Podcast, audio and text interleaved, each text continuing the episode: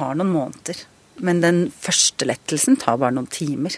Når du skjønner at det er sånn derre Lettelsen kommer nok eh, i det man også kan bli litt sånn Få litt mer adrenalin enn en, eh, tristesse over det. da, det kommer en sånn derre motivasjon til at, at da får man lyst til å bli ferdig med det sjøl òg.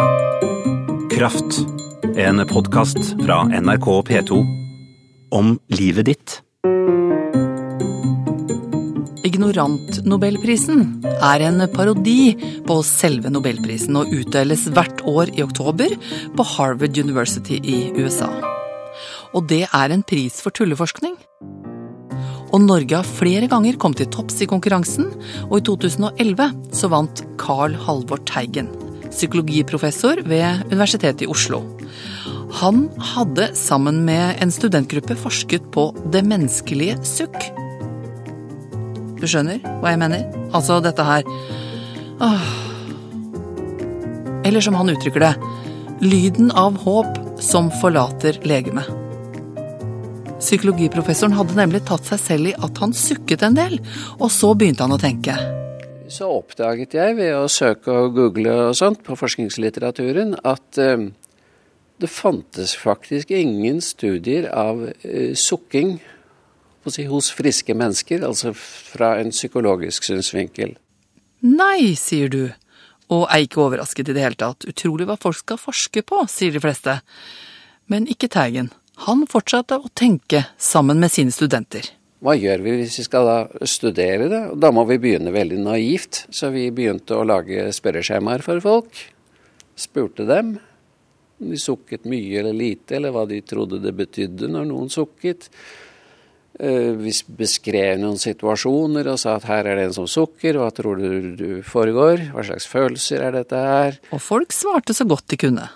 Og det som kom opp veldig raskt, det var jo at eh, det var sånne tilstander hvor man, hvor man gir opp noe. Ja, nettopp. Det kjenner vi igjen. Og, og, så da tenkte vi kan vi få folk til å sukke ved å lage en situasjon for dem hvor de må gi opp noe.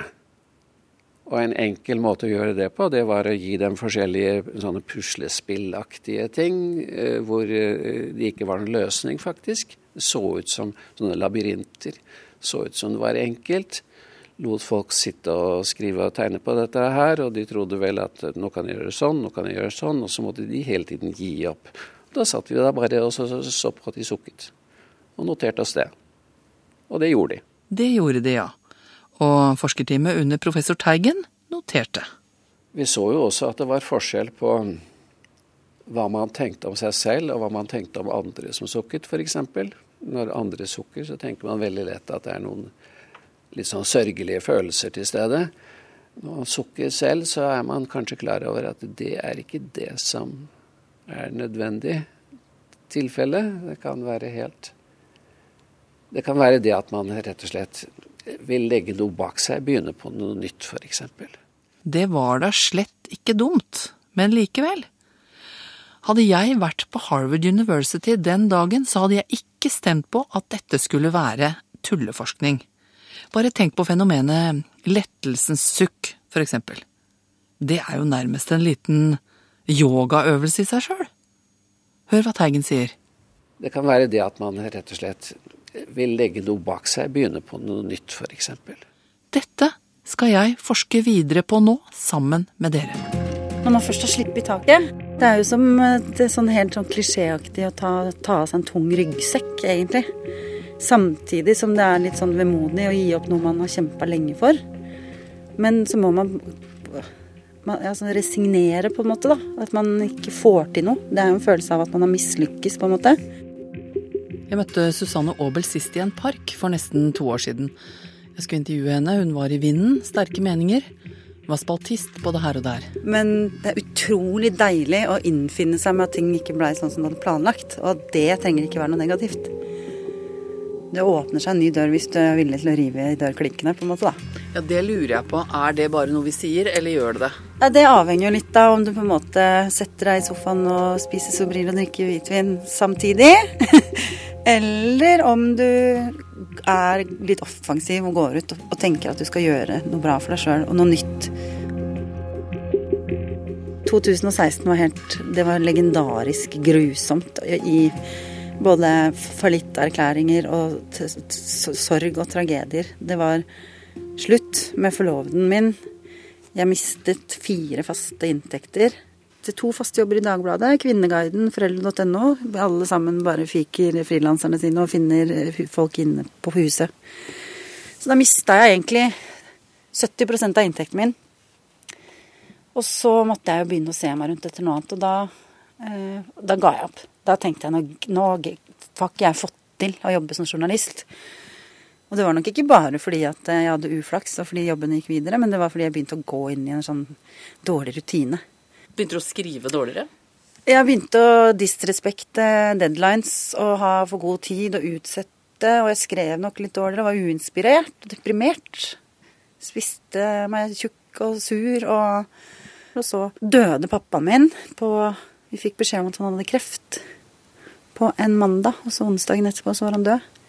Det var liksom fire dager, sånn sjelsettende fire dager å se pappaen sin dø. Forandra jeg meg da også. Det tok lang tid. Det skar seg egentlig så inni helsike at det er sånn moren min har betalt deler av husleia mi. Eh, Jeg har lånt penger. Eh, Det, det, det var økonomisk uro. Og da sov jeg dårlig. og Da ble jeg sliten. Og da var man en gretten, utålmodig mamma. En illojal venninne som ikke holder avtaler. Og så lever man egentlig bare sånt eh, Ikke bare fra hånd til munn, det er én ting, det økonomiske, men man vil egentlig bare komme seg gjennom dagen. Og syns det er noe ork å sperre opp øya om morgenen.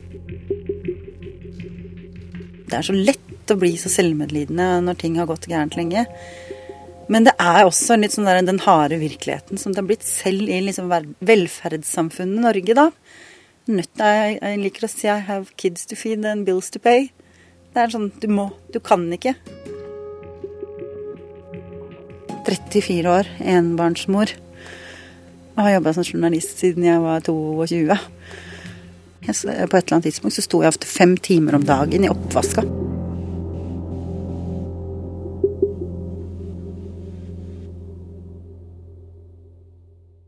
Ikke det at det var noe nedre egentlig med jobben, men for meg så var det ned, nederlag å ikke ha fått til det jeg egentlig ville, og ende opp med å gjøre noe helt annet. Og det eh, Det er ikke noe god følelse. Men samtidig så blir man stolt av seg sjøl når man har vært på gulvet og åtte timer. Og det har vært å slå inn bagetter og lita god på kassa, eller om det er oppvask, eller om jeg har hakka 10 000 løk og stekt 50 tonn poteter. Susanne måtte gi opp, rett og slett. Hun var utrolig langt unna det hun ville i livet. Så merker man jo bare etter noen dager med rutine at man har, de har godt av det med dagslys og mennesker og sosial omgang og bare mestre helt vanlige ting. Bare det å fikse og komme seg på jobb. En jobb hun ikke ville ha. Det gjorde godt en stund. Så kom det en åpning for en kelnerjobb, og det føltes bedre. En sånn finkelner på en fin restaurant. Hvit skjorte og brunt tørkle og litt altså fein, feinschmeckermat og dyr vin. Kunne du det? Kan du det? Nei, det var det jeg ikke kunne, og det var gøy. Men det sånn, der kom jeg inn på liksom det positive med det. Da, at jeg begynte kanskje i den kantina. Fordi jeg tenkte hva annet er det jeg kan her i livet? Hva annet er det jeg liker? Jeg liker å skrive, jeg liker å bli hørt, jeg liker å bli sett, jeg liker å få bekreftelse på at jeg er flink på det jeg allerede føler meg flink på. Og nå har jeg egentlig fått liksom bekreftelse på at jeg ikke har fått til det. Jeg trodde det ville hva annet er det jeg liker. Jeg liker mat og vin, tenkte jeg. Så da eh, ville jeg egentlig bli kokk. Da annonserte jeg faktisk på Facebook at jeg skulle ta kokkeskolen og fagbrev og alt mulig. Og snu. Bare finne på noe annet. Gi opp. Og begynne på noe nytt og bare tenke sånn Jeg er bare 35. Men så skjønte jeg at det ville ta sånn fire år og lang læretid og Og det maktet hun ikke tanken på med et lite barn. Men hun hadde jo blitt noe. Det hadde ordnet seg. Hun likte det hun gjorde. Var ikke det viktig? Selv om det var langt fra målet? Jeg ble servitør da, på en fin restaurant, og det har vært så sinnssykt hyggelig. Og bra og lærerikt og inspirerende. Og jeg har kommet meg på jobb når jeg skal. Og jeg har vært sliten i beina når jeg kommer hjem, sovet litt bedre om natta. Lært masse om viner og distrikter og druer og mat og kjøtt og greens og saus og alt mulig. Og så får jeg masse god mat og drikke i tillegg, så det er bonus. Men, du, men du, dette må jo ha vært en slags følelse av at eh, når det lukker seg en dør, så åpner det seg en annen? Ja, det, men den åpna jeg sjøl, og det er da- man kan begynne å liksom bli stolt og fornøyd eh, med seg selv, da. Og så når humøret begynner å komme på plass, selvtilliten har liksom etablert seg, når jeg begynner å trives med det jeg holder på med, så har det dukket opp både en ny flamme og en uh, ny jobb. Mener du kjærlighet? Ja, den begynte å blomstre på høyre flanke et eller annet sted i hvert fall. Uten at jeg skal si så mye mer enn det. Og det er jo helt rått. Man kommer ikke til noe punkt hvor det går opp fra den ene dagen til den andre. Nå har jeg gitt opp, nå skal det bli bedre. Det har gått tre måneder, så plutselig så merker du at du har det bedre. Og da har det der gitt opp-greiene vært en prosess, og du har ikke vært jeg helt klar over det? Jeg tenker at det det? å gi opp er en prosess, ja. At ikke det er en knapp man kan skru av. Å gi opp er en prosess, sier Susanne Aabel. Og lettelsen med resignasjonen kommer etter hvert. Jeg bare vet det. Plutselig en dag så kjenner man at det er sånn det, det, det, This was it. Det var det. Nå har vi, vi skrudd på alle knapper og kriker og knoker og, og løfta på alle fliker og flakker. Altså det, nå er det ikke mer igjen å prøve. Men det handler også like mye om at da blir man redd for å være alene etterpå. Men det tar ikke så lang tid. Nå vet jeg jo det. Nå har jeg vært igjennom det. Nå har jeg blitt litt eldre. Jeg er ikke blitt gammel dame enda, men det er jo helt annerledes når jeg var 34 enn når jeg var 24. Å ha Så den, hvor lenge må du vente på den lettelsen da, tror du nå? det tar noen måneder. Men den første lettelsen tar bare noen timer. Når du skjønner at det er sånn derre Lettelsen kommer nok eh, i det man også kan bli litt sånn ja, Få litt mer adrenalin enn enn, eh, tristesse over det. da. Det kommer en sånn derre motivasjon til at, at da får man lyst til å bli ferdig med det sjøl òg. Men er det sånn Ikke søren om jeg blir sittende her Ja. og dø, liksom? Ja, litt. Dett var dett, er det ikke det Marve Fleksnes sier? Det er litt sånn, kanskje. At man blir litt sånn ja ja, greit. Da var det sånn det blei. På en måte. Er det rett og slett å koke alt ned, ned Til til, det? jeg, tror, jeg tror det. Det var det klokeste jeg kom på Ja. akkurat nå, faktisk. Og så sier jo folk da ja da, når du har gjort det, så lukket en dør, så kommer det om ikke annet et lite vindu du kan Ja, krype ut av. Ja, men en ting som er helt sant, som er i hvert fall i kjærlighetsverden min, er at det har alt, aldri dukka opp noe hyggelig når jeg har vært, stått med store øyne og lett rundt meg. Når jeg slipper det og trives med meg sjøl og labber rundt i hverdagen og ikke lengter eller håper eller søker eller noen ting, så har det veldig ofte dukket opp en kjærlighetsinteresse på et eller annet nivå.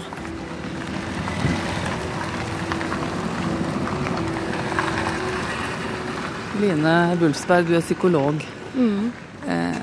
er det sånn at det å gi opp, at det er en prosess? Ja, det er jo en prosess. Det er det. Jeg tror alle som har stått i et samlivsbrudd, enten man har vært den som har blitt forlatt, eller den som forlater, det der der når du er den som forlater, og du har bestemt deg at nå kan jeg ikke kjempe lenger, nå, nå eh, er det nok, nå, nå må vi eh, sette en, et punktum for det her og gå videre. Eh, Så kjenner man jo på en lettelse da, men det har jo vært en prosess som gjerne har gått over år i forkant, hvor man har kjempa og prøvd og prøvd å forstå og vridd og vrengt. Eh, De fleste kjenner vel til de, eh, de fasene til Elisabeth Kubler-Ross som har blitt det blir litt sånn misbrukt, det har blitt misbrukt litt i filmer og sånne ting. Og vi psykologer tenker ikke at det nødvendigvis, alle stegene nødvendigvis er involvert, og at det går i nødvendigvis den rekkefølgen. Men de fleste har jo hørt det der at når det gjelder tap, eller det at noen dør, eller det at man sjøl får en dødelig sykdom, det her at man først går inn i en sånn benektelsesfase, ikke sant, og så går man inn i en eh, sinnefase. Så går man inn i en forhandlingsfase. Eh, og så går man inn i en depresjonsfase, og til slutt kommer aksepten. Og jeg tenker at Når du snakker om å gi opp, så er jo det egentlig bare en avart av den aksepten som ligger til slutt i en sånn, eh, en sånn prosess. At du aksepterer at du er kronisk syk, eller du skal dø, eller noen nær deg skal dø, eller denne tapsopplevelsen har skjedd, og det går an å gå videre. Det ligger jo en voldsom lettelse og en nyorientering og en ny åpenhet i det der når du kommer til akseptfasen. Men da har du vært gjennom en ganske betydelig prosess i forkant. Om den ser akkurat ut som, som jeg nettopp sa, eller er litt hulter til bulter, eller ikke involverer alle fasene, så er det liksom ingen streit vei rett dit uten å gå gjennom noen ting på, i forkant.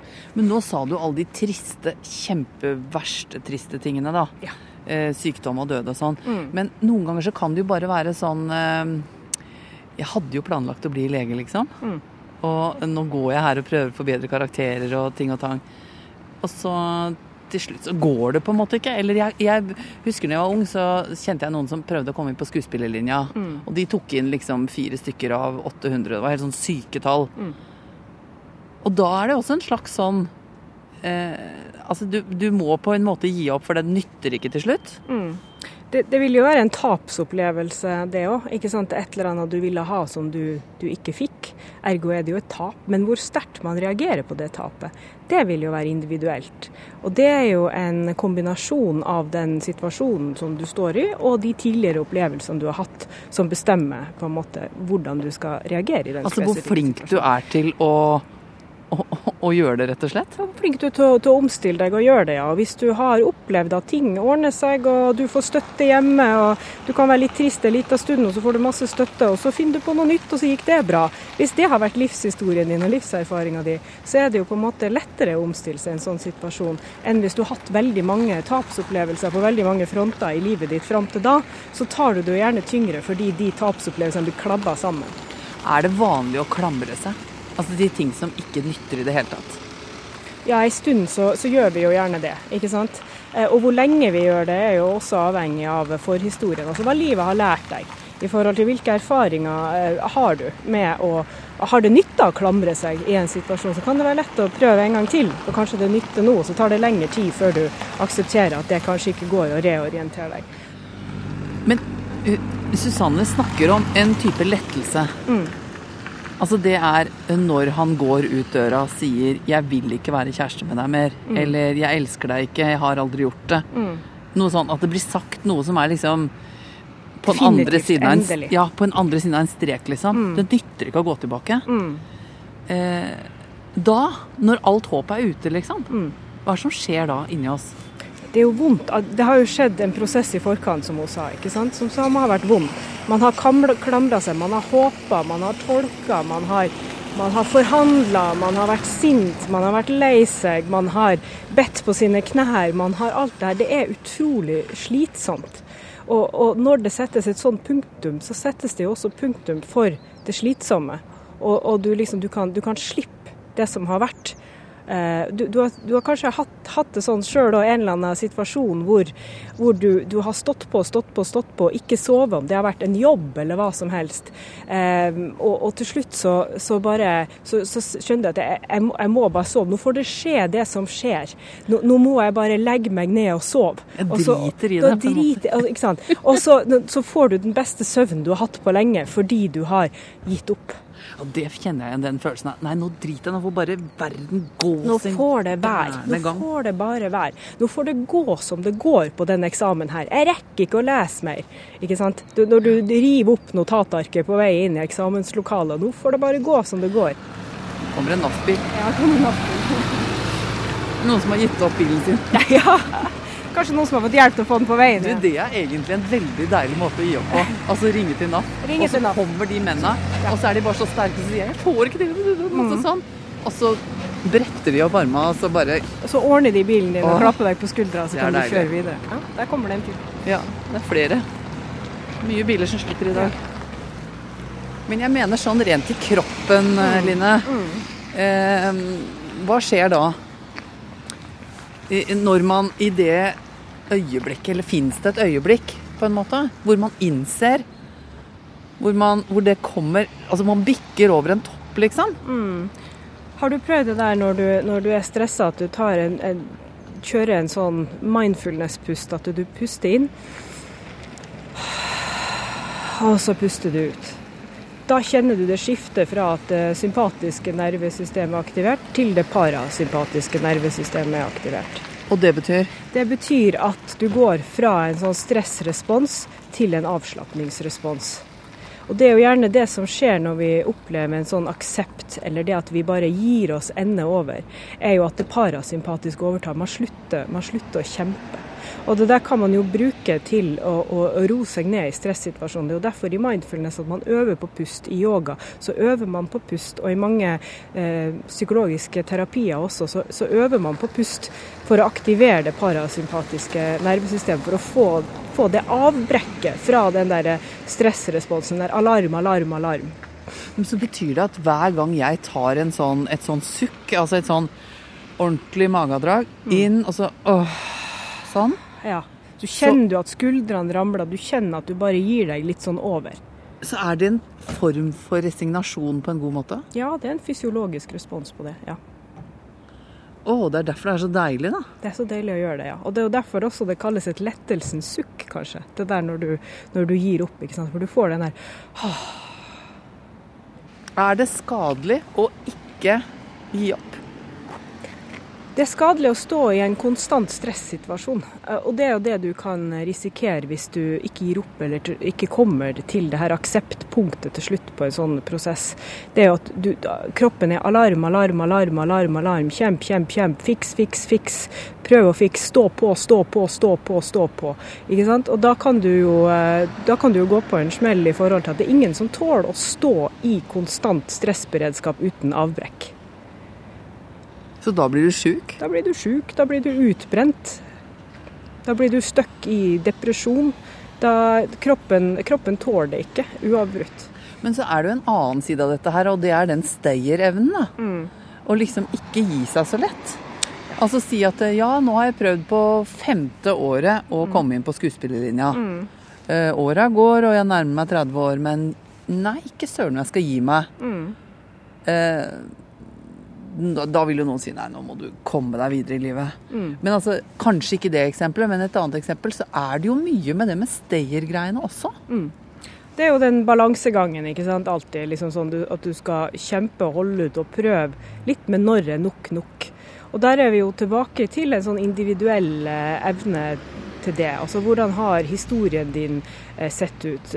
Hva har du opplevd? Hva har, hva har livet lært deg? Ikke sant? Og det er jo en sånn tilstand som kalles lært hjelpeløshet, som er relevant å snakke om i, i, det perspektivet. At hvis man har lært at man har prøvd å fikse noe, men det aldri har funka, så kan man gå inn i en, en, i en, en mental tilstand som kalles lært hjelpeløshet, at man får veldig veldig lett for å gi opp altfor fort. Og det her stammer jo fra et berømt eh, eksperiment på 70-tallet, der man hadde noen uh, hunder eh, stakkars forskningsdyr på 70-tallet, men som, som, ble sela fast eh, på et gulv, hvor det da ble sendt strøm eh, i det gulvet. Og da kom de seg jo ikke løs, og de måtte bare ta det støtet, ikke sant. Eh, og så etterpå så tok man de samme hundene eh, og satte i eh, i et nytt rom, hvor det var mulig å hoppe over til et annet gulv hvor det ikke var strøm. Og man så at de hundene som aldri hadde vært sela fast i utgangspunktet, de hoppa over når det kom strøm. Men de hundene som hadde vært sela fast, de, de gadd ikke å prøve å hoppe engang. De bare la seg ned og tok støtet. Ikke sant? Og de hadde lært det her med lært hjelpeløshet. De hadde kjempa og kjempa og kjempa og kjempa og for å komme ut av den sela, men det hadde jo ikke nytta fordi de var spent fast. Og ergo, sjøl når sela var borte, så klarte de ikke å hoppe over. Da bare la de seg ned og tok det. Så de ga opp altfor fort. Da snakker vi om en negativ resignasjon? Da snakker man om en negativ resignasjon. Og snakker om egentlig en livsholdning som er sånn at det er ikke vits at jeg prøver engang, for det kommer ikke til å nytte. Så det er på den andre enden av skalaen. Og så har du jo de du snakker om som ikke gir opp etter sju år, ikke sant. Så finnes det jo sånne urban myths da, at liksom, jo, men på åttende året ikke sant, så kommer jeg inn. Men det gjelder jo antageligvis én av ti eh, maks. Man hører jo mindre om de ni som da aldri kom inn. Så det er noe med å ligge på et litt sånn sunn skala her? Det er noe å ligge med i midten på, på, et eller annet. Ikke, sant? ikke gi opp for fort, men heller ikke dra det så langt at du lever altfor lenge i denne konstante alarmberedskapen. Men Da får jeg lyst til å spørre deg som psykolog, når er den grensen? Når vet jeg at uh, nå er det på tide å gi opp? Mm. Det er sunt for deg nå. Mm.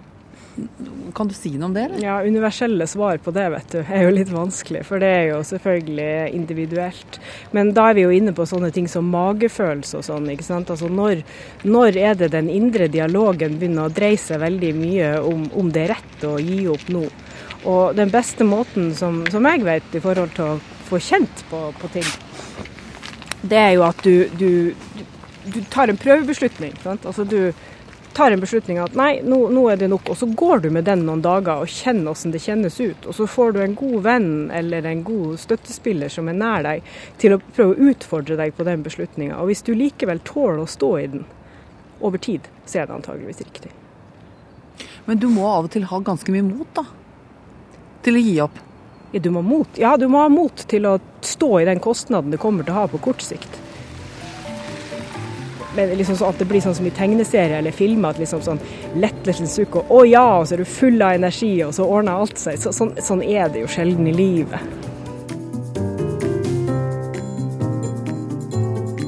Jeg heter Kirsti Kraft, og hvis du har noe på hjertet som du vil si til meg, så skriv en e-post.